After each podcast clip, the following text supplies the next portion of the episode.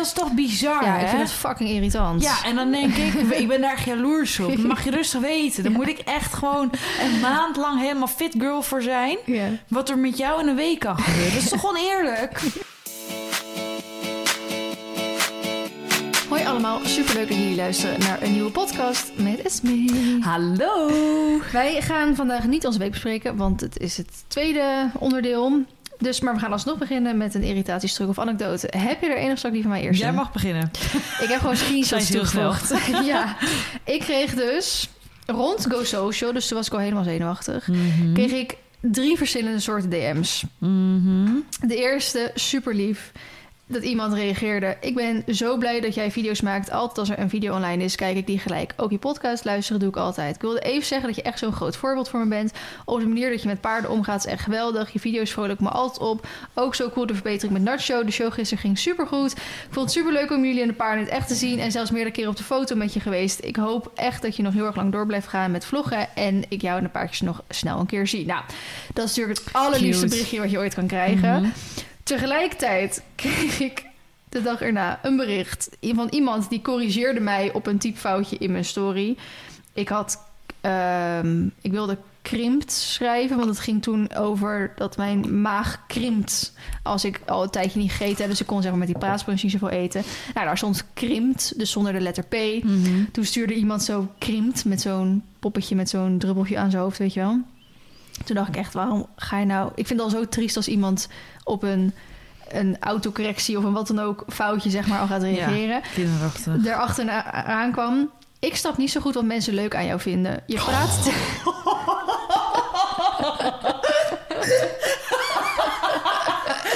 Wat zei je nou? Dat snap ik ook niet. Je hebt een hele mooie punt gemaakt.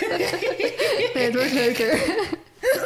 Je praat tegen anderen alsof het kleine kinderen zijn. Zo betuttelend, vreselijk. Waarom doe je dat? ik dacht echt, nou, volgens mij... Kijk, ik praat wel tegen mijn paarden soms zo. Mag ik Maar, even kijken wie dit was? nee, dat staat er niet bij. Oh. Dus ik vind ook niet dat je zo goed kunt paardrijden. Dat is gewoon eenmaal niet het geval. Sorry. Kom even met feit op tafel hier. Het doel van jouw kan- kanaal is ook onduidelijk. Wat de meerwaarde is van je kanaal. Wat wil je nou uitdragen precies? Oh, deze berichtjes kreeg ik dus ongeveer tegelijkertijd. Dus toen dacht ik Oké, en dan de, de hoofdvraag. Welke van de twee is blijven hangen bij je? Nou, eh, ik was dus wel... Tranen over de wangen. Dus ik eh, wilde, kijk, mijn primaire reactie zou zijn dat je het dan gaat uitleggen. Of Ja. dan van, nou, eh, dit en dit en zus en zo. Maar Want je wil dat iedereen je leuk vindt. Precies. Maar ik dacht ook wel weer toen dat ik dacht, ja, hier... als iemand al zo tegen mij doet, waarom ga ik dan inderdaad die moeite nemen om dan weer dat gesprek met iemand te gaan? En het heeft vaak geen zin, en dat ga ik straks ook uitleggen. Mhm. Dus toen heb ik gereageerd. Hoi, ik lees een hoop meningen van je. Die mag je hebben en dat is prima. Maar je bent vrij om mij niet te volgen, hè? Gelukkig delen honderdduizend mensen die mening niet... en zijn er genoeg andere mensen om te volgen die je wellicht leuker vindt. Toen heeft ze gereageerd, vond ik een goeie. Fair enough. Dank voor je reactie.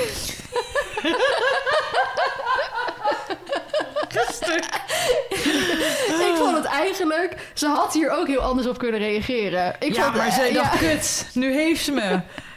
Want als wel met een gestrekt been in was gegaan... dan had zij weer lekker iets om daar nog eventjes op door te Nou, gaan. precies. Nou, En- dat had ze nu niet.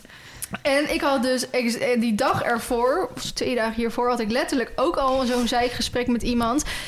Die, ik was natuurlijk doodzenuwachtig voor alles wat er dat weekend ging gebeuren. En toen kreeg ik een berichtje van iemand. eh, had eh eh, Nacho er niet al lang veel dikker bij moeten staan of zo? Of had Ja. echt zo, zo, zo'n Ja. verwijt, weet je wel? Dat ik echt dacht van... Die verwijten krijg ik ook nog steeds met Baloo. Ja. Dat ik echt dacht, kijk, ten eerste, hou please even rekening mee met hoe ik me voel dit, dit weekend. Zeg maar, kom ja, niet maar met deze shit aan. Nee, dus nou goed, sommigen weten het misschien niet of die houden inderdaad geen rekening mee of, of die bedenken dat niet.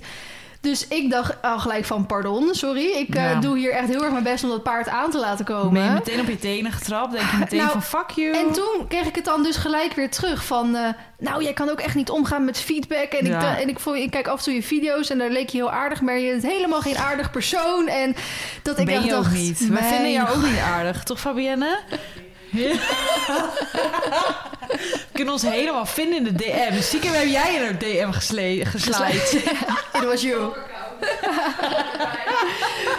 dus ik Heel ging dan natuurlijk ook weer van, nou, zo bedoel ik het helemaal niet. Eh, want nou, zij, zij had het idee dat ik haar aanviel. Ik, zei, ik had het idee dat zij mij aanviel. Dus het was één grote chaos in die DM. Dus toen heb ik letterlijk een spraakmemo naar die meid gestuurd. Want ik zei, volgens mij is het nu weer gewoon zo'n typisch geval van... communicatie over de DM of WhatsApp... wat Ja. altijd verkeerd wordt opgevat. Mhm.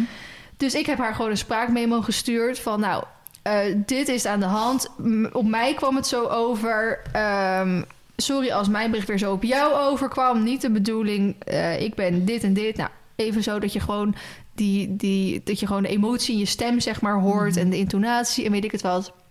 Nou, en toen stuurde ze inderdaad gewoon terug van, ehm, nou, zus en zo. En toen hebben we het gewoon normaal erover kunnen hebben, zeg Mhm. maar. Van, nou, mij viel op dat, hè, over de nachos gewicht. En ik zei, ja, maar ik doe al dit eraan. En ik heb met de dierenarts erover en zus en zo.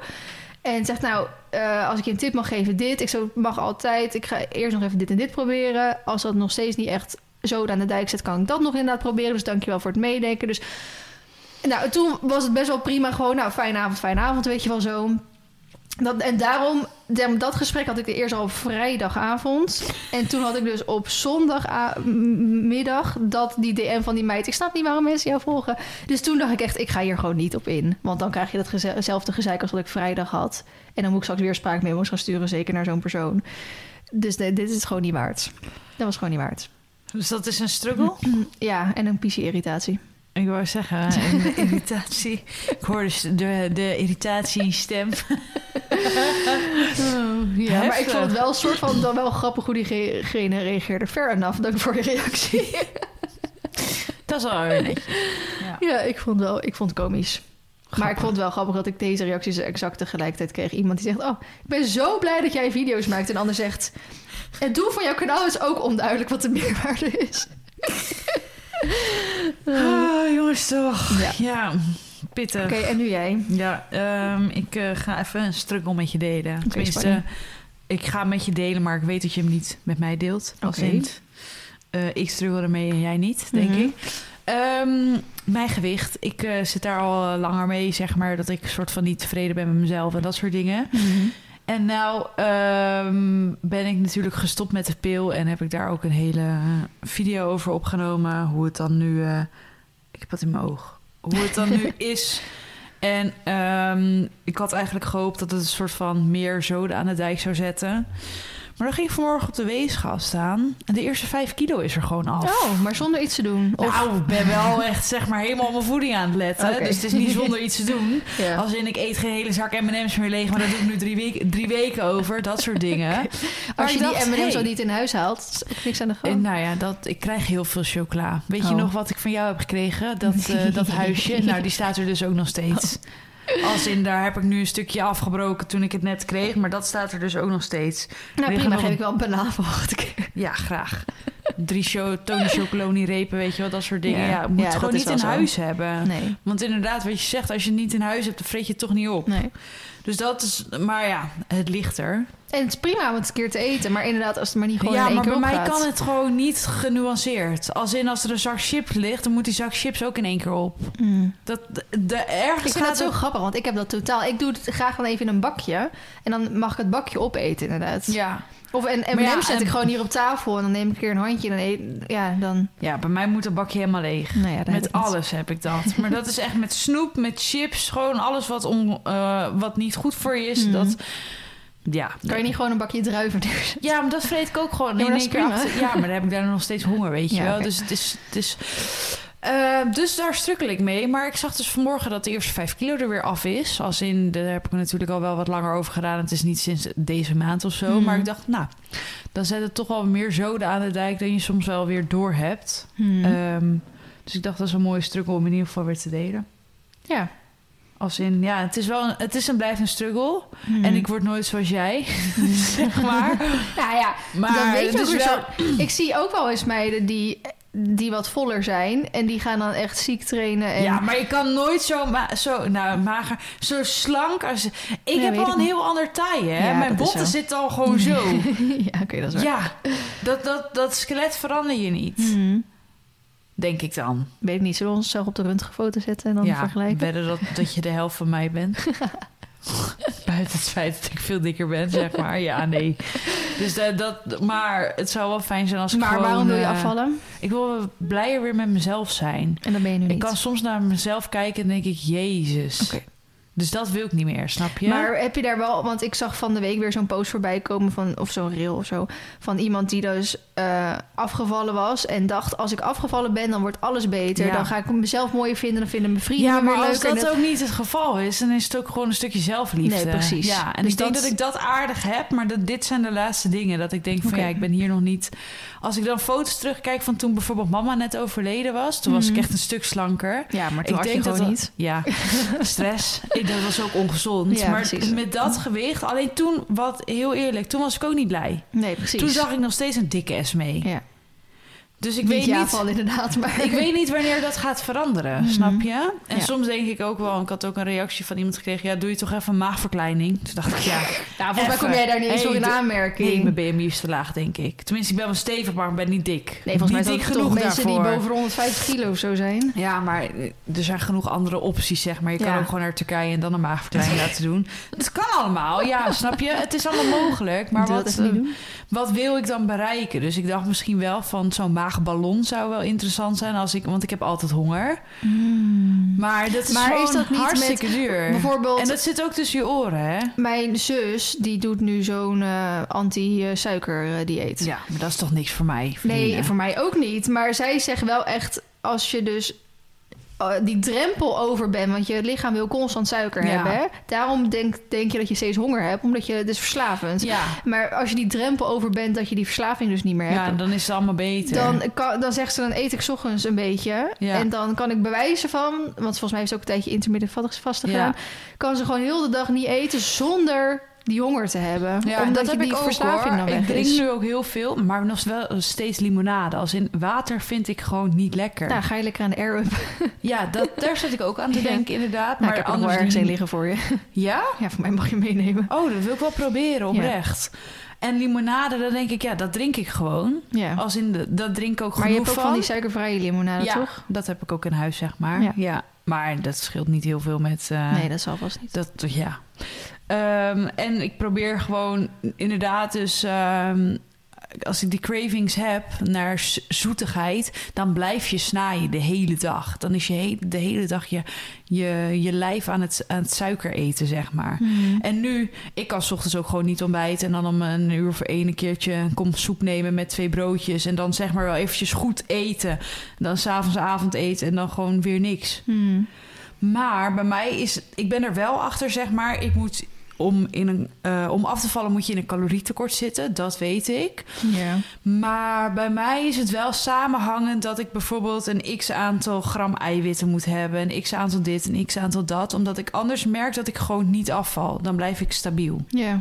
De, en dat is wel lastig, want Mhm. ik wil eigenlijk Moet je niet niet eens mijn met, calorieën eh, gaan tellen en dat soort nee, dingen. dat lijkt me vreselijk. Met eh, René Spoelstra gaan praten. Die is van eh, Tempa vorig seizoen. Dus niet dit seizoen, maar vorig seizoen. Hij deed René Spoelstra samen met Annabel Visser.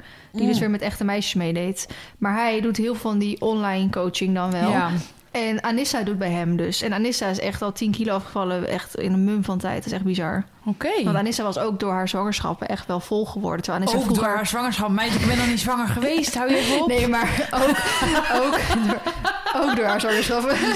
ook door Nee, andere dingen. ja. Maar die was vroeger ook net zo dun als dat ik ben. Ja, precies. En die is echt eh, heel erg fanatiek bezig nu. Dus echt, het vliegt er vanaf. Ja. Ja, ik wil dus daarom ook weer het sporten gaan oppakken. Als in, dat ben ik nu ehm, sinds afgelopen week pas weer gaan doen. Maar ik ben altijd in één keer heel dedicated aan dingen. Hmm. En dan kan het ook weer zo dit En zijn. als je dan eenmaal uit bent, dan... is het ook weer klaar. Ja, Want ik had sinds november niet in de sportschool gestaan. Nee. Terwijl vorige week stond ik met jullie en zei ik... oh, wat lekker dit weer. Ja. Even met mijn lijf bezig Ik had- zijn. ik had voelde sinds me helemaal januari- fit, weet je wel. Dat ik dacht, Ja. oh, heerlijk. Ik had sinds januari volgens mij niet meer gesport. Of misschien ook een enkele keer na. En toen ging ik gisteren dus weer. En toen dacht ik ook echt, waar slaat het nou op dat ik dit dus alweer Ja. twee, drie maanden niet gedaan heb? Maar ik vind het, en dat is dus wel, wij hebben een privé gym. Mhm. Als in, Jury heeft een eigen gym. Ik merk gewoon dat ik het heel relaxed vind dat er geen andere mensen omheen staan. Die, Mhm. Want ik voel me altijd bekeken, omdat ik dan denk, ja, daar zullen ze wel denken, oh, daar heb je dat dikke meisje weer die komt sporten. Ja, maar denk je dan, Dus als ik dat heb ik al in mijn hoofd. fietsen, hardlopen, wat dan ook, denk ik, wat goed. Ja, maar Wat dat, goed dat, dat je dit dat werkt bent. alleen maar op mijn zenuwen. Als ik dan denk, er wordt naar me gekeken. Dus dat was op een gegeven moment ook de reden dat ik dacht... ik, ga niet, ik ging niet alleen naar groepslessen. Ik ging altijd met Jules samen sporten. Hmm. Alleen ging ik gewoon niet. Omdat ik dan dacht, ja kijk, dan zullen ze wel denken... Oh. En dat had ik dan in mijn hoofd heel erg, Mhm. weet je wel. Dus dan Ja, dacht ik, ja, dan is voor mij het hele plezier van het sporten er alweer af. Ja. Maar ik wil het wel, het moet gewoon... Ik, ik vind het gewoon fijn om mezelf weer wat beter in mijn vel te laten Mhm. zitten. En eh, kijk, ik weet ook bijvoorbeeld wel dat dat niet altijd met cijfertjes op de weegschaal te maken heeft. Als Mhm. in eh, wat je in de spiegel zit, is, ziet is belangrijker. Maar het werkt voor mij wel om op de weegschaal te staan, omdat dat het motivatie is. Omdat ik het zelf niet altijd kan zien. Omdat ik mezelf nog steeds met 15 kilo erbij zie. Want ik ben zeg maar waar, op het punt qua gewicht waar ik nu zit, ben ik ook al 15 kilo zwaarder geweest. Ja. Dus nu, op dit moment, is er weer 5 kilo af. En ik ben twee of drie jaar geleden ook al 10 kilo, zeg maar, Hmm. kwijtgeraakt. Maar ik zie nog steeds gewoon de dikste versie van mezelf. Ja. Dus dan denk ik, ja, als die weegschaal daar dan goed eh, aan kan toedoen. Maar ik moet er ook niet in doorslaan. Nee, zeker Want dat niet. heb ik vaak met dingen. Als in, dat heb ik dan met sporten ook. Dan moet het in één keer van 0 naar 100. Ja. Ja, Ja. dat kan niet altijd. Ik zou je misschien aanraden, maar ik weet dat je niet echt van de podcast bent. Ik heb toen vorig jaar... Ja, ik luister nu Jill en ik luister nu Monica Ah, Oké, ik ben en trots. Kai. Ik ben trots. Eh, ik heb vorig jaar die podcast opgenomen met die eh, Belgische voedings- Ja. en bewegingsarts. Volgens mij. Ja, En ehm, hij is daar dus heel erg op ge- gefocust. Dat, en hij doet ook wat ruiters begeleiden. Dat, men, dat je inderdaad niet calorieën gaat tellen. Dat je niet dit en dit, nee, dit dat past gewoon niet bij mij, snap je? Dus Als in- misschien is het Als ik interessant om vanavond uit te eten luisteren. wil, dan wil ik uit eten. Ja. Maar de balans in mijn leven is gewoon heel lang weg geweest. Als Ja. in, ik kan drie dagen uit eten en ik kan vier zakken M&M's in de week opeten. Ja, dat kan niet, snap je? Dat weet ik zelf ook wel. Maar op zo'n moment, het gaat gewoon ergens in mijn hoofd gaat het gewoon mis. Dus daarin ben ik nu gewoon aan het kijken van gezond eten. En als ik avond ga eten, ga ik niet... Kijk, ik schep op in waarvan ik denk, nou, nu heb ik honger. Maar als ik honger heb en er, ik wil aardappels, groente, vlees eten... dan eet ik gewoon ook wat ik nodig heb, snap je? Hmm. Eh, en misschien moet dat ook wel weer een beetje minder. Maar ja, dan zit je ook met, ja, ik heb geen idee hoeveel je op een dag binnenkrijgt. Nee. Dus het is gewoon allemaal lastig. Ja. Als in, ik ben... En met een diëtist of zo. Ja, daar heb, ik wil dat eigenlijk niet, snap je? Dat staat me gewoon een beetje tegen. Die mensen kunnen heel fijn zijn. Ja, maar ook die gaan vragen, wat eet je de hele dag? Dan Ja. moet je bij gaan houden. Ja, dat is wel kut altijd. Maar ik ja, vind dat moeilijk. ik denk dat het toch ergens moet. Ja, eh, maar misschien als, het, als ik merk dat het ook weer stagneert of zo. Maar ja, nu ga ik natuurlijk weer sporten. En dan val je eigenlijk niet af, maar dan bouw je spieren op. Ja. Dus dat is ook weer dat je dan denkt, ja... ja, want dat zegt die René, dus die volg ik ook op Insta. Die zegt dat ook altijd van ja, zoveel procent is inderdaad gewoon beweging. Maar ook heel veel is eigenlijk gewoon je voeding. 80-20 zeggen ze, hè? 20% sporten, 80% Oh, is dat zo? eh, voeding, ja. Ja, maar ik word ook altijd helemaal naar als ik... ik- Bijvoorbeeld, ik vind die Ja de Anne leuk om op te volgen. Maar die is ook helemaal aan het sporten. En dan denk ik echt, ben je niet een beetje aan het doorstaan? Die staat elke keer... Ja, ik eet nu deze proteïnebar en die is dan zoveel calorieën of zo. Of Ja. zo. En dan denk ik, er zal een, een doelgroep binnen haar doelgroep zijn... die dat ook wil weten en interessant vindt. En ik denk Ja. alleen maar, ga weg met al je Ja. calorieën tellen. En Ja, ik ben daar dus ook niet zo van. Omdat ik dus bang ben dat ik daar inderdaad ook in doorsla. ja, En dat vind ik lastig. Want ik ken mezelf. En Mm. ik weet dat dat wel... Dat, dat lijntje is dun bij mij, zeg maar. ja. Maar dat is al slim niet.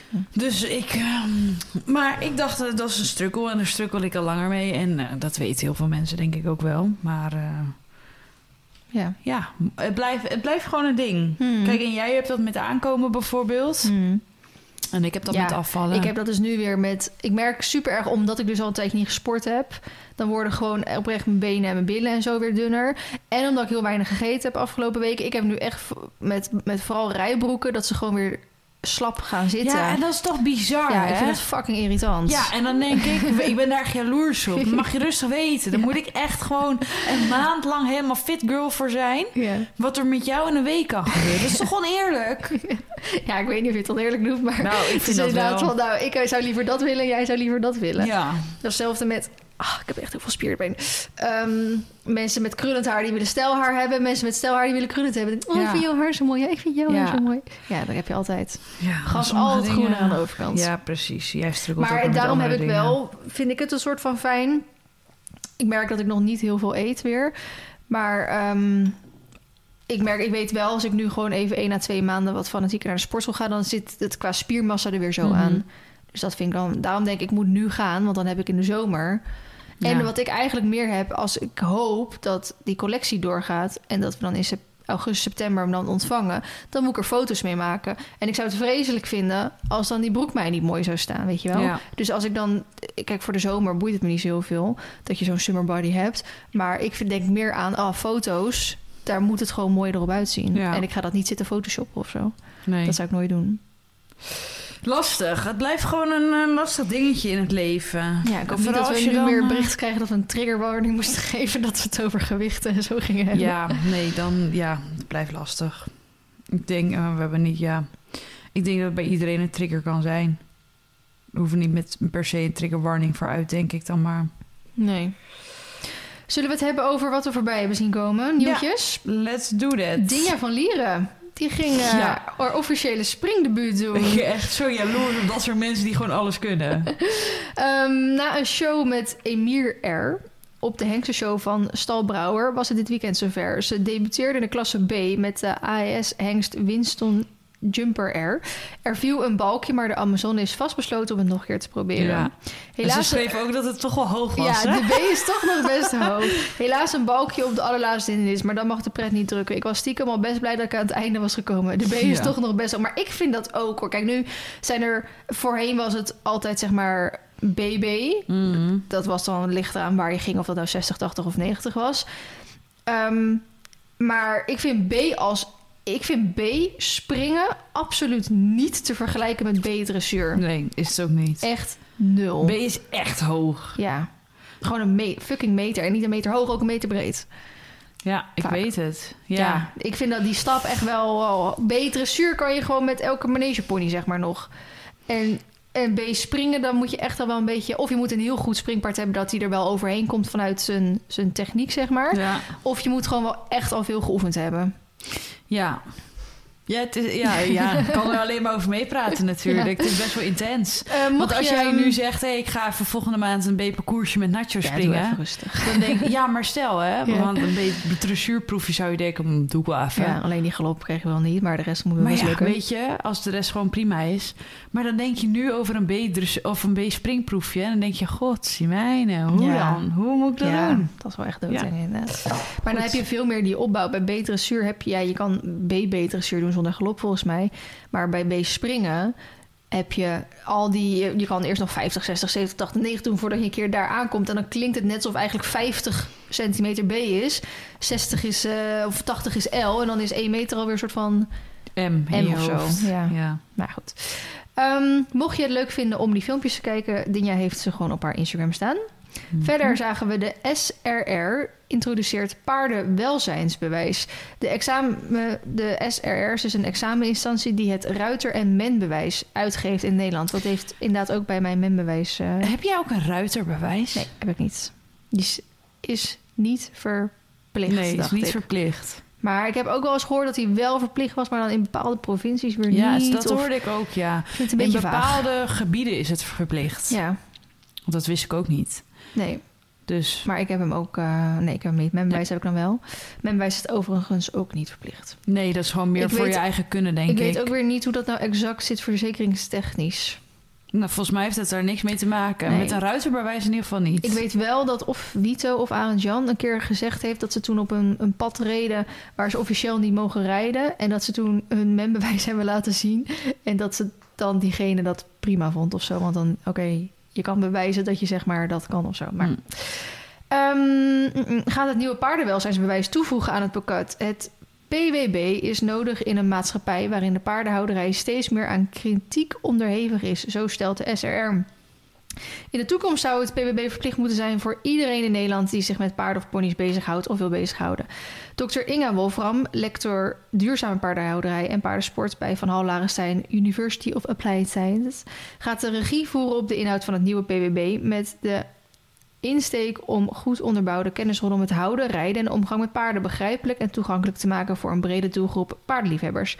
De SRR vertrouwt op een goede samenwerking met verschillende organisaties en stakeholders binnen en buiten de sector, met als doel om samen invulling te geven aan de brede inbedding van paardenwelzijn in Nederland.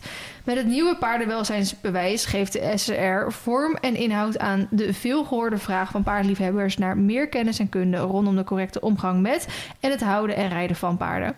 Wetende dat heel veel paardenliefhebbers niet bij een organisatie zijn aangesloten, biedt het PBB concreet de mogelijkheid voor deze grote groep om aan te tonen dat ze een goede basiskennis hebben van het omgaan met paarden. Iets wat in Frankrijk wettelijk verplicht is. De SRR is ervan overtuigd dat in de huidige tijdsgevricht noodzakelijk is en steeds noodzakelijker wordt. Ehm, nou, nog een stukje over SRR zelf. Sinds 1974 exameninstituut. Tot nu toe hebben in Nederland 153.000 mensen het Ruiter-membewijs waarbij de kennis over gezondheid, welzijn, huisvesting, voeding, harnassement, maar ook het rijden op de weg en in het natuurterrein centraal staat. Aan de ene kant denk ik um, goed. Ik ben eigenlijk sowieso van mening dat iedereen die een paard houdt, wel uh, daar eerst een toetsje of een, uh, iets voor mag uh, houden. Maar dan vind ik hetzelfde mensen met die honden houden of zo. Mm. Van mij mogen echt mensen die. Ik vind bijvoorbeeld, je hebt natuurlijk met honden, bijvoorbeeld heb je losloopgebieden. Maar je hebt ook heel veel gebieden die natuurlijk niet losloop zijn. Waarvan ik denk, daar kan echt, als jij je hond goed onder appel hebt, moet hij daar prima kunnen loslopen. Mhm. Dan denk ik, zorg gewoon voor een of ander bewijs of zo. Dat je inderdaad een soort examen kan doen samen met je hond. Dat je, weet ik veel, een keer een konijn voorbij laat komen. En dat je kan laten zien dat je hond er niet achteraan gaat. Mhm. Eh, dat je het bewijs van zo kan doen. Dat je dan, nou, dat mag. Maar um, wat bijvoorbeeld op Facebook al veel reacties hieronder laat. Van ja, ik, ik zie inderdaad hier ergens staan van nou samenwerkingen met stakeholders en uh, weet ik het wat. Ja, wie zijn dat dan? Ja. Want als dat dan uh, mensen die heel vermogend zijn, maar de paarden heel de dag op stal hebben, want die hebben zulke dure hengsten of weet ik het wat, dan denk ik ja, dan sla je in mijn ogen alweer de plank mis. Hm. Dus ik denk, ik ben er groot voorstander van dat er iets moet komen, maar inderdaad, de uitvoering is erg moeilijk.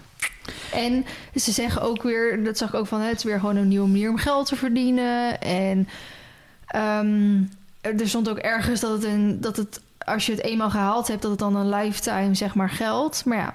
Ja, met de wetten en alles veranderen ook. Dat dus dat zou je moeten bijwerken. Precies. Dan zou ik eerder, net zoals uh, keurmerk paardenwelzijn of zo. Of bij de FNRS heb je natuurlijk ook van die sterren die je kan halen. Dan zou ik eerder zoiets dan. Hm. Maar dat, dan moet je voor betalen volgens mij. En dat je dat dan kan bewijzen van, nou, we hebben zoveel sterren gehaald. Ja. En dat jij als pensioenklant of manege-klant of zo dan ja, precies. daarop uit kan zoeken waar je dan wil gaan rijden of waar je wil gaan staan. Maar ja, dat geldt inderdaad voor die superveel mensen die gewoon thuis een, of ergens gehuurd een paardje hebben staan. Die hebben het vaak best wel slecht eigenlijk. Ja, nou, eigenlijk heeft overal hebben paarden het slecht. Dus dat uh, maakt niet zoveel uit waar dan komt. Dus dat. Mm, we hadden er nog heen. Ja, die had jij gestuurd. Ja, de negen grootste hengstenhouders van Nederland. Jan Greven, Paul Hendricks, Daan Hoorn, Wiebe Ide van der Laagweg... Henk Nijhoff, Gertjan van Olst, Eugene, Eugène Racing, Egbert Schep en Joop van Uijert distancieren zich openlijk van het KWPN ten aanzien van het beleid omtrent de fokwaardeschatting. Het negental heeft een open brief geschreven die er niet om ligt. De hengstenhouders kondigen aan voorlopig een eigen weg te bewandelen. Nou, de brief uh, kun je lezen op uh, Horses. Die staat op uh, Facebook, of tenminste via het linkje zeg maar gedeeld. Maar um, ja, bijzondere, bijzondere wendingen, om maar zo te zeggen wel. Uh, ook wel um, flink wisselende reacties onder de post. Mm -hmm. Als in van, nou, ze distancieren zich niet alleen maar van het uh, KNS... maar gewoon eigenlijk van alles met een, met een eigen weg bewandelen. Um, ik ben vooral benieuwd waar het toe gaat leiden. En uh, waar ze dan het soort van niet over eens zijn geworden. Daar ben ik dan, die achtergrondinformatie ben ik dan vooral benieuwd naar. En wat dit voor het KNS-stamboek gaat betekenen. Ja, Ik ben daar wel zeker. benieuwd naar. Ja. Ik heb ook de reacties eronder gelezen, maar ik kon er nog niet echt een touw aan vastknopen met wat nou het ding. Nee, ik ja, ook iets niet. over fokwaarde. Maar ja, ik Ja, als leek wat weet ja, totaal nee. niet wat fokwaarde Daarom, ik betekent. weet dus ook inderdaad niet wat de fokwaarden van de K- KWPN zijn... en wat het vanuit dat eh, negental is, om het maar zo te zeggen. Dus ik ben heel benieuwd naar of dat we daar nog meer... eh, Ja, want waar ik vooral benieuwd naar ben, nogmaals als leek, ik weet er niet veel vanaf. mhm. Kijk, ik ben het ermee eens dat die, dat die fokkers, die weten wat ze aan het doen zijn. Hè? Dus Mhm. misschien kan je beter hun de regeltjes bij wijze van op laten stellen dan iemand, een buitenstaander. Mhm. Maar ik weet ook dat er ontzettend veel doorgefokt wordt. Dus dat eh, de paarden steeds eh, sensibeler worden, steeds eh, flexibeler. En dat, dat, zeg maar, dat niet ten voordele komt van heel veel Mhm. paarden. Er wordt natuurlijk best wel veel paarden met in één keer kleine hoofdjes gefokt. Of juist weer met een heel slap achterbeen. Of juist die heel erg berg... Oh, dat hoor je toch wel eens, met die, dat paarden heel erg bergop gefokt worden. En dat er bepaalde ruiters zeiden van... zullen we daar even mee stoppen? Of nee, zadelmakers zeiden dat. Zullen we daar even mee stoppen? Want er, die zadels blijven allemaal niet meer liggen op die paarden. Oké. Dus er wordt wel al best wel tussen ja, een bepaald soort eh, dingen worden gefokt. Omdat het dan inderdaad mooi is. Of dat zou hoog scoren in de sport. Terwijl dat genetisch voor het paard helemaal niet Goed positief eh, is. En dan denk ik van ja, als dat inderdaad zo gaat. En die paarden worden inderdaad voor, voor een hoop geld verkocht. Ja. eh, en die scoren hoog op wedstrijden. Ja, dan snap ik dat de fokkers graag zo door willen blijven gaan. Maar als dat eigenlijk dus helemaal niet goed voor het paard zelf is dan moet er misschien een halt toegeroepen worden. En als dat hetgeen is wat, wat het KWPN wil, dan denk ik, ja, goed. Maar daarom weet ik er te weinig van af om Ja. daar echt een oordeel over te geven. Ja, nee, ik ben daar ook niet zo van op de hoogte. Ehm, dus dat is wel interessant om dat dus een beetje in de gaten te gaan houden... om te kijken wat voor... eh, Ik denk als je echt eh, daar heel erg diep in gaat, gaat er een of andere beerput open. Ja, daar ben ik ook bang voor. dat is vaak zo, toch? Zeker als er veel geld in omgaat. Ja, laten we eerlijk zijn. Dat is met alles zo. Dus Ja. dat zou me niks verbazen. Dus dat, dat waren de nieuwtjes van deze week. Wij hebben een eh, onderwerp natuurlijk gekozen. Zoals we Mhm. vorige keer over de eh, body protector en dus eigenlijk de Air jacket. air jacket gehad. Hebben we daar nog een leuke reactie over gekregen? Heel veel interessante reacties. Ook Ja? heel veel mensen die een air jacket aangeschaft hebben... naar Echt? Aanleiding van mijn video en de podcast. Oh, Ja. oké, chill. Dus dat is top. Ben Ja. blij om te horen. Leuk. Ja. Geen Ehm, ASOS meer genoemd. Ik ehm, had niet per se, zeg maar, gisteren, voordat we dit gingen online plaatsen, dus iets eh, gezet waar mensen iets op konden stemmen. Maar ik had natuurlijk in de vorige podcast ook al gezegd dat ik ook een, eh, een rekening van een dierenarts had gekregen die Ja. erg hoog was. Mhm. En toen had ik dus in mijn story twee vraagstickers geplaatst van, nou, klopt dit? Mhm. En toen hebben echt super veel mensen gezegd: wil je de reacties delen? Want ik ben eigenlijk ook wel heel erg benieuwd. Toen dacht ik, nou kan ik inderdaad of op mijn story doen, of ik kan hem dus gebruiken als onderwerp in de podcast. Ik had dus een rekening van de dierenarts gekregen. Op zaterdag was het wel, dus weekendtarief. Voorrijtarief eh paard slash pony weekend was dus 97,50 euro. Maar omdat ehm, ze dus voor alle vier de paarden kwamen, is dus bijna de hele factuur natuurlijk door de helft elke keer gedaan, omdat dan de andere helft voor Carmen haar rekening is. Dus er is 0,5 gerekend. Mhm. Dus uiteindelijk is het bedrag 48,75. Dus tuurlijk, dat is de zaak is fijn dat het eh, verdeeld kan worden. Maar stel, het was wel gewoon alleen voor mijn paarden, of ze waren alle vier van mij geweest, had je gewoon een voorrijtarief alleen nog wel bijna 100 euro moeten betalen. Nou, dat vind ik best wel intens Mhm. eigenlijk. En dan betaal je dus ook nog het consult. Mhm. Paarddienst uitgebreid van 25 minuten. 142 euro. En die is ook door tweeën gedeeld? Die is door drieën gedeeld op een of andere manier. 0,34. Dus hoeveel heb je daar uiteindelijk voor betaald? 48 euro. Ehm, nou, dan injectie eh quadrisol, broncofor, ventipulmin, sputolyse, allemaal gezeik. Oh, die siroopjes en dingetjes. Die trouwens ook nog best wel wat kosten, want die ventipulmin is dat 83 euro. Ja, maar dat is inkoop ook heel duur. Alles Ja, voor paarden is gewoon fucking Dus duur. daar qua medicijnen medicijnen kunnen ze natuurlijk niet extreem veel aan doen. Dus ik kwam uiteindelijk op een eh, bedrag van... mm, nou, 300 euro of zo. Dus ik schrok daar best wel van. Want die van Carmen was nog iets hoger, omdat... Eh, waarom was dat? Nou, er was iets waardoor die net iets hoger was.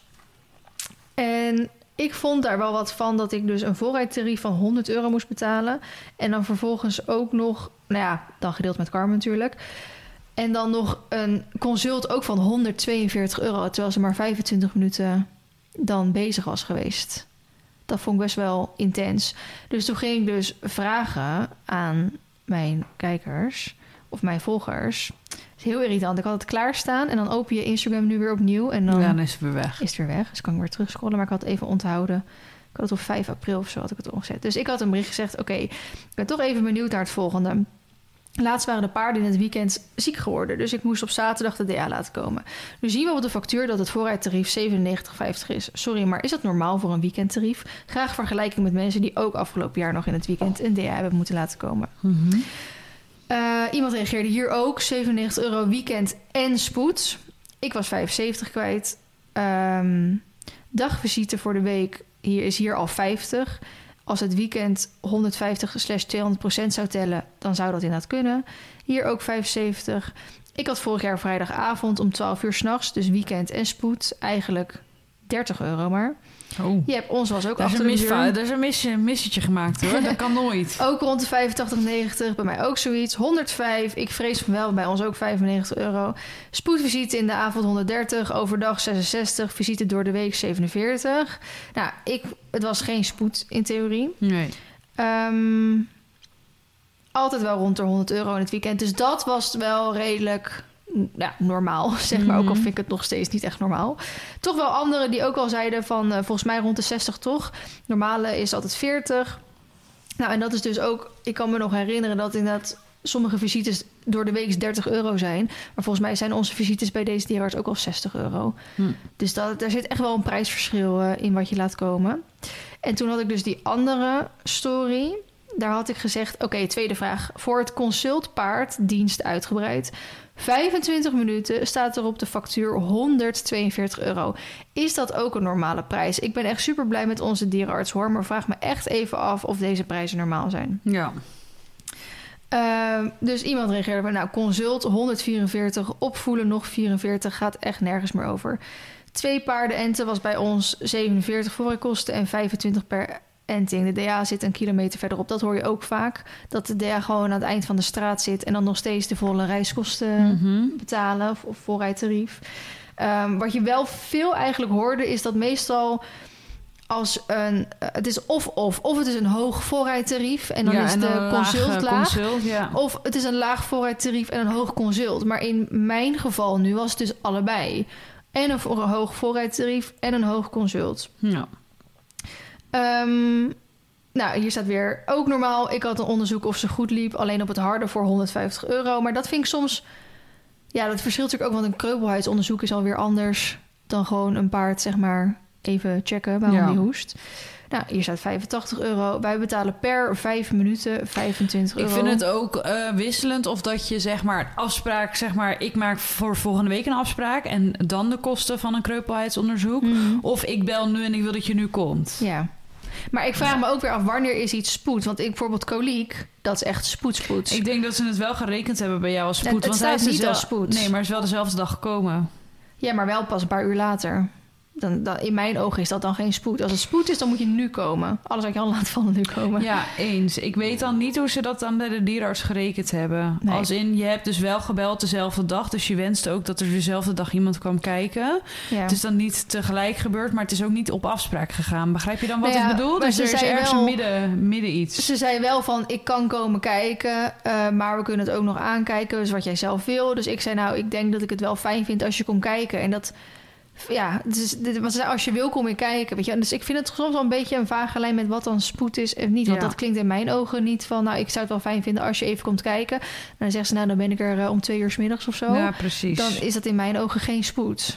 Nee, het is anders toen ik met bijvoorbeeld die wond had... dat ik zei, er moet nu iemand komen, want er moet nu gehecht worden. Ja, precies. Punt. Dat vind ik ook anders. Ja, dat is spoed, vind ik. En koliek inderdaad is ook spoed, uiteraard. Ja, nou, hier zegt ook iemand wat jij benoemt werd mij niet gerekend. Ik had een onderzoek van Veulen voor 35 euro. Ik betaal voor een gewoon consult 45 euro. Ja, maar dat is een gewoon consult. Dat is heel anders dan een weekend. Want bij ons was een gewoon consult ook Maar volgens wordt er mij... dan over alles op die rekening dan de 150 of 200 procent gerekend. Ja, in het weekend wel. Aan de ene kant vind ik Ja. dat ook wel een soort van... Voor als de dierenarts, zeg maar, als dat niet... eh, kijk, als zij van 8 tot 5 open zijn, Hmm. dan vaak niet op een zaterdag. Ja, ja. Maar als zij maandag, dinsdag, woensdag, donderdag, vrijdag open zijn... en het weekend gesloten en jij belt in het weekend... heb je een weekendconsult. Ja. Kijk, ik vind het ergens wel een soort van normaal om dan wat meer te betalen. Maar ik vind het aan de andere kant soms ook wel weer een soort van heftig als in als het paard gewoon dan wat heeft, kan die er toch niks aan doen dat het op zaterdag gebeurt in plaats van dat het op vrijdag Nee, gebeurt. maar een dierenarts werkt ook gewoon ehm, maandag, dinsdag, woensdag, donderdag, vrijdag. En dit is dan ook nog een extra dienst die die moeten werken.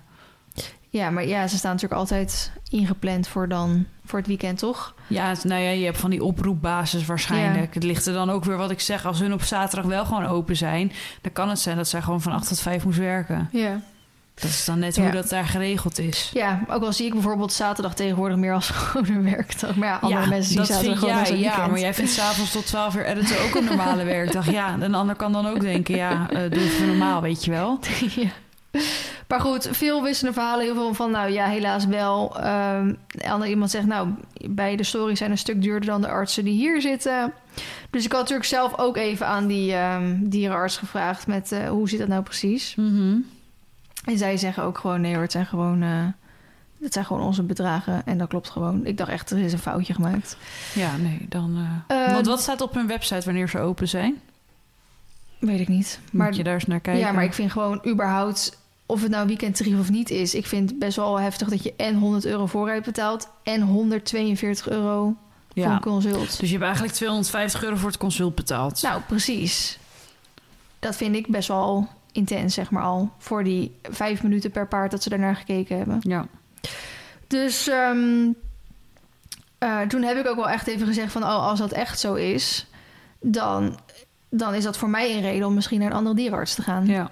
En daar heb ik met Carmen over gehad, want dit is een kliniek. Eh, en ik moet eerlijk zeggen, ik heb meer vertrouwen in een kliniek Mhm. dan gewoon een normale dierenarts, zeg maar. Mhm. Dus ik zou nooit van mijn leven in ieder geval een paard laten keuren door een normale dierenarts. Dan Mhm. rijd ik wel mee naar de kliniek toe. Of eh, met koliek of zo zou ik het denk ik ook bijna niet aandurven. Maar even kijken waarom mijn paard hoest. of een, eh, een Ja. inenting geven of zo. Dan moet natuurlijk eigenlijk gewoon een normale dierenarts die ook... Hè, Ja, je bedoelt dan een, een dierarts die voor zichzelf werkt. Ja, bijvoorbeeld. In Ja, of gewoon van- een, veel kleiner die ook huisdieren en vee en zo doen, weet je wel? Ja, Dus die doen alles. ja. Die kunnen dat natuurlijk ook allemaal wel gewoon. Neem maar aan. tegenwoordig heb je dat niet meer. Hier Bijna wel. niet. Hier wel. Ja? Ja. Hm. Hier heb je een paar van die kleinere kliniekjes die huisdieren doen en ook eh, paarden en vee. Ja, zo. Ja, maar niet van die grote klinieken. Nee, oké. Ja, dat snap ik. Ja. Dus dan zou je bijvoorbeeld die dan eh, voor dat soort kleine dingetjes gewoon moeten eh, ja. laten komen. En misschien moet je eigenlijk van tevoren bewijzen van al iedereen een keer rondgebeld hebben. Wat vragen jullie hiervoor? Hè, wat zijn jullie voorrijkosten? Wat zijn weekendtarief? Wat ja, is je kan daar altijd een beetje onderzoek naar doen natuurlijk. Misschien moet dat, want dan weet ik tenminste ook, want mocht een keer wel spoed zijn, dan weet je tenminste ook gelijk wie je moet bellen natuurlijk. Niet dat je dan eerst drie moet afbellen, wat kost het om voordat je langskomt? Ja. Dat schiet natuurlijk ook niet op. En bij koliek of zo, kijk, als het echt... Ja, dan maakt Dan het me niet wil uit. je gewoon- Dan wil je gewoon die paard beter Maar als jij nu inderdaad denkt van, nou, dit kan goedkoper... Ja. En ik heb het vertrouwen bij een ander erin... ja, Ja. waarom niet dan? Nee, en ik ben daar wel steeds meer bewust mee bezig. Want hetzelfde bijvoorbeeld met mijn mesthoop leeghalen. Ik heb daar de allereerste keer 175 euro voor betaald. Toen dacht ik echt top, prima. Tweede keer kreeg ik in één keer een factuur van 340 euro. Dat ik dacht, hoezo is die in één keer twee keer zo hoog? Derde keer kreeg ik een offerte. Want toen dacht ik, ik vraag eerst even van tevoren wat kost. Van 400 nog wat euro. Bij dat- hetzelfde bedrijf. Bij hetzelfde bedrijf constant. Dus toen heb ik ook even een paar keer gebeld en geappt en gemaild van hoezo, waarom is dit steeds? En ook ja, komt da- daarom en daarom en daarom. Nou, toen had ik nu geregeld dat het iets goedkoper kon, daar zo. Kreeg ik dus weer de factuur met BTW er dan natuurlijk nog bij nu. Kwam ik alsnog op 450 euro uit. En ik had al, hij had zeg maar tegen mij gezegd, anders vraag je het daar eventjes. Dus ik had daar opgevraagd en daar, daar was het 300 euro. Maar ja, we hadden een soort een beetje soort halve miscommunicatie. Want hij had gezegd, als we het zo doen, dan kan het zo. En ik dacht, oh, dan vervalt die kosten. Nou, hij bedoelde eigenlijk alleen dat het dan wat goedkoper ging. Dus ik had al tegen hem gezegd: van ja, als ik had geweten dat die factuur dan alsnog 450 euro werd, dan had ik die van 300 euro terug laten komen. Mhm. Want het klonk nu in mijn ogen alsof ik nog maar 250 euro hoefde te betalen. En dan ga je wel elke, het zijn elke keer die dingen. Ja. Elke keer dan, het gaat toch om een paar honderd euro elke keer. ja, maar dat is met een zadelmaker of met een bitfitter of wat dan ook, is dat ook zo. Ja, en daar moet je wel echt als je dan even denkt naar van nou, kijken. eh, ja, daar is onderzoek dan voor nodig. Ja, al moet ik zeggen dat ik bij een, een zadelmaker en een osteopaat en een tandarts vind ik het wel iets anders. Want daar heb ik al helemaal van, als ik eenmaal een fijn persoon heb, dan ga ik niet elke keer een ander laten komen eraan. Nee, maar als jouw zadelmaker nu in één keer ook 150 euro per keer duurder wordt, Ja, nou, dan ga je daar ook wel over twijfelen. Ja, nou gelukkig is het gratis, maar maakt niet. uit. Ja, daar heb je geluk mee. Dat is niet voor iedereen weggelegd. Nee, maar je gaat inderdaad wel voor alles waar ik wel gewoon natuurlijk voor moet betalen. Ga je wel even nadenken. Oh, dit, eh, Ja, dit is kan even vast wel goedkoper ergens. Ja. Dus dat eh, was ook een beetje en een daarover in te haken, want ik zei van, eh, we hebben het natuurlijk altijd over dierenartskosten, want eigenlijk zeuren wij Nederlanders altijd over kosten van onze Mhm. dieren. Als in, het moet altijd goedkoper en ehm, het ik denk dat we al kunnen. blij zijn dat er op de hoek van de straat eigenlijk overal een dierenarts zit. Want ik, Ik denk dat we echt heel erg verwend zijn allemaal. ik volgde iemand in Polen en dat paard had dus koliek. En die moest vier uur rijden naar de dichtstbijzijnde... paard gewoon dood. Nou, zij heeft dus best wel een soort van lang aangekeken... met natuurlijk een dierenarts die dan naar haar Ja. kon komen. En toen toch besloten uiteindelijk om dan naar de kliniek te gaan. Dus om die vier uur te gaan. En toen was hij dus gewoon dood. Terwijl als ze misschien die stap kleiner was om naar de kliniek Ja. te gaan... was hij misschien nog wel... Ja, dat is natuurlijk best wel heftig. ja.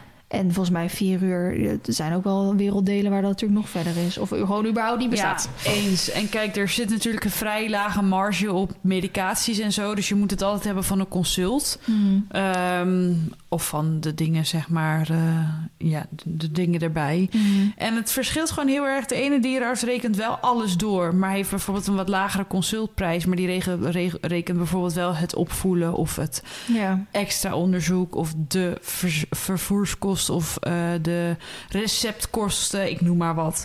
Administratiekosten. Ja, het is allemaal heel erg wisselend. Dus het verschilt heel erg. En dat is natuurlijk ook lastig om daar dan een goede lijn op te trekken. Ja. Maar het is over het algemeen bekend, ook met honden en katten, dat er altijd geklaag is wat betreft Ja. kosten. Alleen mensen staan er ook gewoon niet bij stil hoeveel werk het levert eh, en wordt geleverd. Ehm, wat er allemaal van het geld betaald moet worden. Want aan het einde van de rit, als je het salaris van een dierenarts vergelijkt met het salaris van een, ehm, een eh, huisarts. Hmm. Dat, de- een huisarts verdient gewoon twee keer zoveel als een dierenarts. Terwijl ze even lang gestudeerd hebben. Hmm. Dat je dan denkt, ja, dat is eigenlijk best wel bizar. Maar dat is denk ik omdat er veel... Omdat vanuit de verzekering Ja, natuurlijk heel veel teruggaat. nou ja, daar ook over gesproken. Ik ben natuurlijk eh, vier, vijf weken geleden van het paard afgedonderd. Ik ben helemaal goed verzekerd. Maar ik zat dus nu bij Zilveren Kruis ben ik verzekerd. En dan kun je dus je, in, je ding inkijken. Ja. En nou staat er dus een rekening, die hoef ik dan dus niet zelf te betalen, maar wel mijn eigen risico helemaal naar de tyfus, van 951,03 euro. En dat is alleen het transport geweest met de ambulance. ja. 951,03 euro. Besef als ik dit zelf had moeten betalen, hè? Ja. En dan heb ik nog niet eens over de aankomst in het ziekenhuis, de CT, de röntgen, Dat de telde nog maar een paar duizend bij op dan. Dat staat hier allemaal niet bij. Dit is enkel het vervoer. Dan heb ik ambulance kilometers is 106,26 euro. En de ambulance met spoed is 8 844,77 euro. Met spoed. Ja. En dan lopen wij dus eventjes plat gezegd te zeuren om een rekening... omdat er voorrijkosten gerekend worden. Hmm. Hoge voorrijkosten. Terwijl, ja, maar dit zijn pas hoge voorrijkosten. Hmm. En dat is omdat wij mensen, wij zijn helemaal verzekerd. En laten we het heel eerlijk vooropstellen. De verzekering in Nederland is gewoon, als je het goed hebt geregeld, heel goed geregeld allemaal. Hmm. Als in, er kan van alles en je kan echt. eh, heel veel wordt eh, ge- Ja. betaald. En dat is, allemaal, dat is allemaal niet lastig en dat soort dingen. Maar het is, het is wel, eh, daar staan we niet bij stil. Daar hoor je nooit iemand over. Van, poel, Mhm. wat heb ik hoge kosten gemaakt? Nooit. Want het is allemaal maar makkelijk en het Ja. wordt toch wel betaald. Maar een dierenarts, moet je dus betalen. Ja, omdat Of je moet je verzekerd niet- zijn. Ja, maar dan nog Maar moet dan je ligt het vaak- eraan hoe je verzekerd bent. Want dat is heel anders dan wij bij mensen. Daarin, Ja. Bij dieren heb je ook hele verschillende pakketten. Mhm. En als je verzekerd wil zijn, zoals jij bijvoorbeeld nu een dierenarts hebt laten komen, betaal je voor je verzekering ook iets van 75 euro in de maand. Ja. Ja. als je nooit wat hebt, is dat natuurlijk zonde van het geld. Mhm. Dus kun je beter dat geld wat je normaal in die verzekering zou stoppen, in een potje stoppen. ja. En bij ehm, kleine huisdieren is dat dan net weer wat anders. Maar daarin heb je dan ook weer verschillende potjes. Maar bij mensen, wij moeten gewoon eigen risico betalen. Nou, dat is 385 euro in het jaar. Nou, daar ben ik dan nu al dik doorheen. Maar we kijken daar verder helemaal niet meer naar. Niemand hoort je daarover. Terwijl als jij een huisarts gaat bellen, gewoon alleen opbelt, is het dus al 30 euro. Is dat zo? Ja, bij mij. Nee. wel. Nou, als het goed is, is de huisarts, eh, dat zit, valt gewoon onder je verzekering. Ja, het valt ook onder je verzekering, maar Ja. het wordt wel berekend. Ja, maar je vergeet niet dat we wel gewoon 100 euro per maand aan die, eh, daaraan betalen. Hè? Betaal je ouders en jij al 26, 27 jaar. ja. Elke maand 100 euro ongeveer. Ja, maar je krijgt ook wel wat terug 170 of natuurlijk. zo. Ja, en dan krijg je... Ik krijg wel aardig wat terug, hoor. Maar dus je, je betaalt natuurlijk wel gewoon. Dus leuk inderdaad dat we het niet hoeven te betalen. Maar we betalen het indirect natuurlijk wel gewoon. Ja, in, ja indirect. Ja. Maar als je dit dan wegstreept met, ons, met de kosten van jezelf... en dus de kosten van je hond, kat of paard... dan zit daar natuurlijk een heel groot verschil tussen. Hmm. Als in als we hetzelfde gaan regelen, rekenen wat een huisarts rekent... zoals als jij even een dierenarts belt van... joh, ik zit hier en hier mee... Hmm. telefonisch consult. Het zijn ook dierenartsen die het wel berekenen, laat ik dat vooropstellen. Maar als die daar overal ook over gaat rekenen, ja, daar hoor je nooit iemand over, zeg maar. Nee. Dus dat, ik, ja, en dat komt natuurlijk ook. Ik ben zelf parafet geweest, dus ik, ik heb altijd mensen aan de balie gehad die het er niet mee eens waren. Hmm. Of die vonden dat het anders kon. Hmm. Maar het kan eigenlijk niet anders. Want het, het scheidssalaris wat een, een paraveterinair verdient... terwijl ik het te zeggen had over leven of dood van jouw huisdier... Hmm. dat is bizar. Dat slaat helemaal nergens op. Want als ik een verkeerde medicatie geef... gaat hij gewoon hartstikke dood. Hmm. En dan ben je afgestudeerd daarvoor... en daar heb je superveel kennis voor opgedaan. Maar het salaris wat daarbij hoort... kan beter achter de kassa bij de Albert Heijn gaan werken. Ja, en daar hebben we het niet over leven en dood. Nee, Snap nee. je? En dat vind ik wel heel intens. En dan denk ik, dat is een van de redenen natuurlijk waarom ik het vak uit ben gegaan. Hmm. En het vak zelf mis ik heel erg, maar dat soort mensen mis ik niet. Nee, dat snap ik. En ik weet ook dat het duur is. En ik, soms denk ik ook van ja, kan het ook wel zelf. Ja. Maar zo, het werkt gewoon niet zo. Nee, nou ja. Ik, ik snap natuurlijk jouw kant van het verhaal. Maar ik, als je het vergelijkt... Ja, Ik vind, al, eh, laat ik vooropstellen, die 2500 eh voor het voorrijden en het ehm, consult vind ik ook aan de dure kant. Als het 150 euro was geweest, dan had ik gedacht, ja, dat is weekend. ja precies. Dat zou ik normaal ja. vinden. Nou, en dat is dus wat, wat in mijn ding was. Hoezo dat Ja. en en. Ja. Duur en duur dat. Ja. Ja, ik Dat vind, ik vind het ook aan de prijs hoor, dat hmm. van jou. Maar laten we vooropstellen dat, dat het eh, fijn is dat de dierenarts sowieso gekomen Ja, is. zeker. Ehm, na een paar uur dan ook nog. Maar Mhm. ja, Nou, er dat zijn is we, wat ik zei ook van, ik, vind, ik ben heel tevreden over... Ik ben heel tevreden Ja. hoe ze gehandeld hebben. En ja. bedoel, na een week waren ze allemaal niet meer aan het hoesten. Dus de- maar ik schrok inderdaad toen ik die, want Ja, die, ik eh, wel. die factuur binnenkreeg. En Carmen natuurlijk ook. ja. Dus dat... ja. eh, En dan komt ook je medicatie er nog bij. En dan moet je een paard, medicatie voor een paard van 600 kilo... is natuurlijk wat anders dan een hondje voor 7 kilo. ja. Dus die medicatie Ja. is echt Nou, ik had volgens duur. mij en ook daar op zit echt moment- nul marge op, kan Nee. ik je vertellen. Nee, dat was wel kut. Want ik had op een gegeven moment had ik bepaalde medicatie gekregen en die was op. Dus toen vroeg ik om nieuwe. En toen ging ik dat dan ophalen. En dan stonden er in één keer vier flesjes of doosjes in die tas. Ja, dat had je toen verteld, ja. Dat ik ook zoiets van... ehm, ze zei alleen dat ik dit nodig had. Ja, maar als je dit geeft, moet je eigenlijk ook altijd nog dat geven. En toen dacht ik, ja, maar wat kost het dan? ja. Ja, 50 euro per ding. Ik denk, ja... Ja, rot op. hallo. Ja, ja en dus toen dat heb is ik ook dus- echt eentje bewaard. Ik dacht, daar raak ik niet aan. Als die paarden zijn gestopt met hoesten, dan geef ik hem weer terug. Ja, En toen zei, ze dus eigenlijk eerst... Ja, eigenlijk doen we dat niet nee, meer. mag niet meer. En ik Nee. denk, ja, maar de dierenarts heeft dat letterlijk tegen mij gezegd. Als jij hem niet gebruikt... Ja, dan en dat is dus het stomme van een dierenarts en degene die aan de balie zit. Want aan de balie, echt waar, er zijn hele strikte regels op Mhm. dat je het terug mag nemen. Als in, wij weten als, als balie-zitters niet wat jij met dat potje gedaan hebt en hoe je dat bewaard hebt. Mhm. Dus je kan het eigenlijk niet aan de volgende verkopen. Ehm, en aan de andere kant, dan hadden ze eigenlijk bij voorbaat moeten zeggen: we geven je nu deze dit en dit mee. Mhm. Heb je tekort, kom bijhalen. Ja, Zo kom je, voorkom je dat. ja precies. Maar ja, dat, het is net lastig. Ja. Want de Ook ene al- denkt, oh, dan moet ik nog een keer op en neer. Geef Nou, dan maar een extra mee. Want die van mij zit best wel een stukje rijden. Ja. Dat is gewoon een half uur rijden inderdaad. Ja. Dat ik denk, ja, dan zijn de kosten van de benzine zeg maar... eh, ja, even door het flesje zelf ja, en de precies. tijd. Ja. Dus goed, mooi onderwerp gehad. ja, We gaan door. alright. Een tip? Eh, ja, nou, ik, de- mensen hebben er niet zoveel aan, want het is op zondagavond. Maar ehm, wij kennen natuurlijk die eh, dierenarts Iris van Gulik. En die had eh, aankomende zondagavond heeft hij zo'n wondverzorging ehm, Hm. Zoom seminar ding. En dat vond ik wel heel erg interessant. Dus ik heb me ervoor opgegeven. Kostte 19 euro zo. Eh, dus voor, voor degene die dit luistert, dat is alweer eh dik een week geleden. Ja. Misschien gaat ze het nog een keer doen, dat weet ik niet. Ehm, maar ik zit best wel vaak als de paarden hier een wondje hebben... van oké, wat moet ik hier nou mee? Want de ene zegt, je moet hem met betanine wassen. De ander Mhm. zegt, je moet er helemaal niks mee doen. Mhm. De ander zegt, eh, met alleen met water. De ander zegt, ho- honingzalf erop. Ja. De ander zegt, helemaal niks, gelijk de dierenarts bellen, weet je wel? Dat ik echt soms denk, nou mijn god, wat moet ik er nou mee? Dus soms, ik ben best wel benieuwd naar van... oké, als het een schaafwondje is, doe ik er dan goed aan... om er inderdaad honingzalf op te doen? Of is het inderdaad goed om het even te ontsmetten? Of moet ik het gewoon lekker met rust laten? Of als het inderdaad een wondje is die wel open is... maar niet dat je echt denkt, nou, daar moet de dierenarts naar kijken. Wat kan ik zelf dan doen? Of is het inderdaad van, oké... ehm, als de dierenarts komt, wat moet ik dan doen? Want je mag er, als de dierenarts komt, mag je er niks mee gedaan hebben. Als in je mag er niet met betadine eh Dat verschilt ook per dierarts. Nou, de een zegt in ieder geval, je mag er in ieder geval niks opgesmeerd hebben, want dan kunnen ze het vaak niet meer hechten. Nee, opsmeren niet, maar je mag het wel wassen. Ja, Maar... Dat moet de dierarts ook doen. ja, maar ja, dus volgens mij ligt het dan weer aan met wat voor spul inderdaad Ja. je erop eh, gesmeerd of gespoten of wat dan ook hebt. Want dan kunnen ze het heel vaak niet meer hechten. Dus wat kan je zeg maar wanneer wel niet doen? Dus ik wilde die als tip geven. Eh, dus misschien gaat ze dat nog een keer doen. Misschien bij genoeg eh, aanvragen of zo.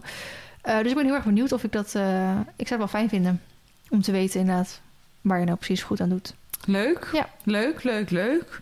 Ik heb ook een tip. Een tip van Flip. Ehm, ik heb eh, een nieuwe foundation uitgevonden. Oh. Van Miroda heet het merk. En het potje, of het spul wat uit het potje komt, is wit. En het kleurt naar je eigen Is huidskleur. dat van zo'n Insta, Facebook advertentie of niet? Ik heb, ben geïnfluenced door mijn schoonzus. Oh, Oké. Die was ook geïnfluenced door iemand anders. Maar ik heb het op nu en het, eh, ik, heb, ik zit echt helemaal onder de puistjes. Ik weet niet waar het vandaan komt. Hm. Maar het heeft me oneffenheden even netjes weggewerkt. Oké. Dus ik ben heel erg tevreden. Dus het heet eh, Miroda, het merk. Oké. Dus, Nice. eh, aanrader. Alright. Ik, had toen, ik was wel geïnfluenced door reclames van zo'n heel bekend merk... waar ik nu natuurlijk niet op kom. Maar daar word je helemaal geen gespamd. En zeker als je dat dan één keer erop geklikt hebt... ja, dan dan gaat het eh, helemaal mis. gaat het mis. Dus ik heb het toen uiteindelijk inderdaad gekocht. Maar als je dan...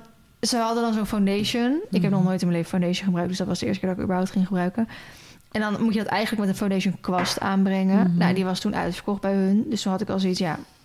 maar hoe ga ik het dan nu aanbrengen? Moet ik het dan gewoon met mijn vingers gaan doen? Of zo'n sponsje? Ja, dat heb ik allemaal niet. En ik had alleen hier een poederkwast liggen. Dus dan ga ik met die poeder... Nou, dat werkte natuurlijk Nee, dat werkt niet. Totaal niet. Nou, eigenlijk als je foundation opdoet, ehm, wat bijvoorbeeld wat dikker of wat dan ook, dan krijgt heel je gezicht één kleur. Eigenlijk moet je dan ook nog een beetje contouren of een beetje highlighten of een met roze. Dus net wat je zelf mooi vindt. Ja. Nou, ik vond eh, als ik mijn normale huid heeft gewoon kleur. Mhm. Als toen ik die, die foundation op had, was ik een beetje Ja, maar het ligt er ook aan wat voor foundation je hebt. Als je helemaal all overdekkend hebt, ja, dan word je zo'n Barbie. Maar als je dat niet hebt, Nee, deze was wel dan gewoon krijg je mooi. nog gewoon een want daar staat hij doorheen, weet je wel. Ja, daar staat hij wel bekend om. Maar misschien had ik ook een, net een tintje te licht of zo. Maar je werd echt een beetje Spooky. spooky van, inderdaad. Zonde. Dus dan Vind je mij nu spooky? Nee, ik vind je niet spooky. Dus dan moet je eigenlijk eh, dat natuurlijk met andere dingetjes weer gaan eh contouren en zo. Maar dat had ik allemaal niet. En daar weet ik ook helemaal niks van af. Dus eh, toen heb ik hem dus nooit meer aangeraakt. Zonde. Zonde. Ja, dat was weer 100 euro bij elkaar of zo. Doe eens gek. Ja. Nou, we gaan hem afsluiten. Nee, Oh, ik weet het eigenlijk niet. Heb ik nog iets staan? nou ik niet. Ehm, mm, mm, mm, mm.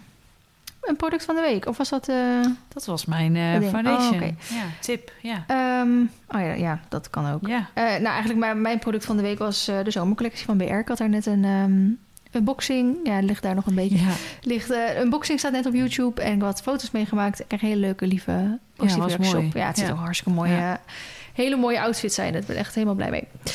Fijn. Oh, ik heb echt honger. Niet Ja, normaal. Ik moet weer plassen. ja, dus. jij moet naar huis toe, want je hebt een afspraak. Ja, ook dat nog. Bedankt Nou, voor het luisteren en graag tot volgende week. Doei doei.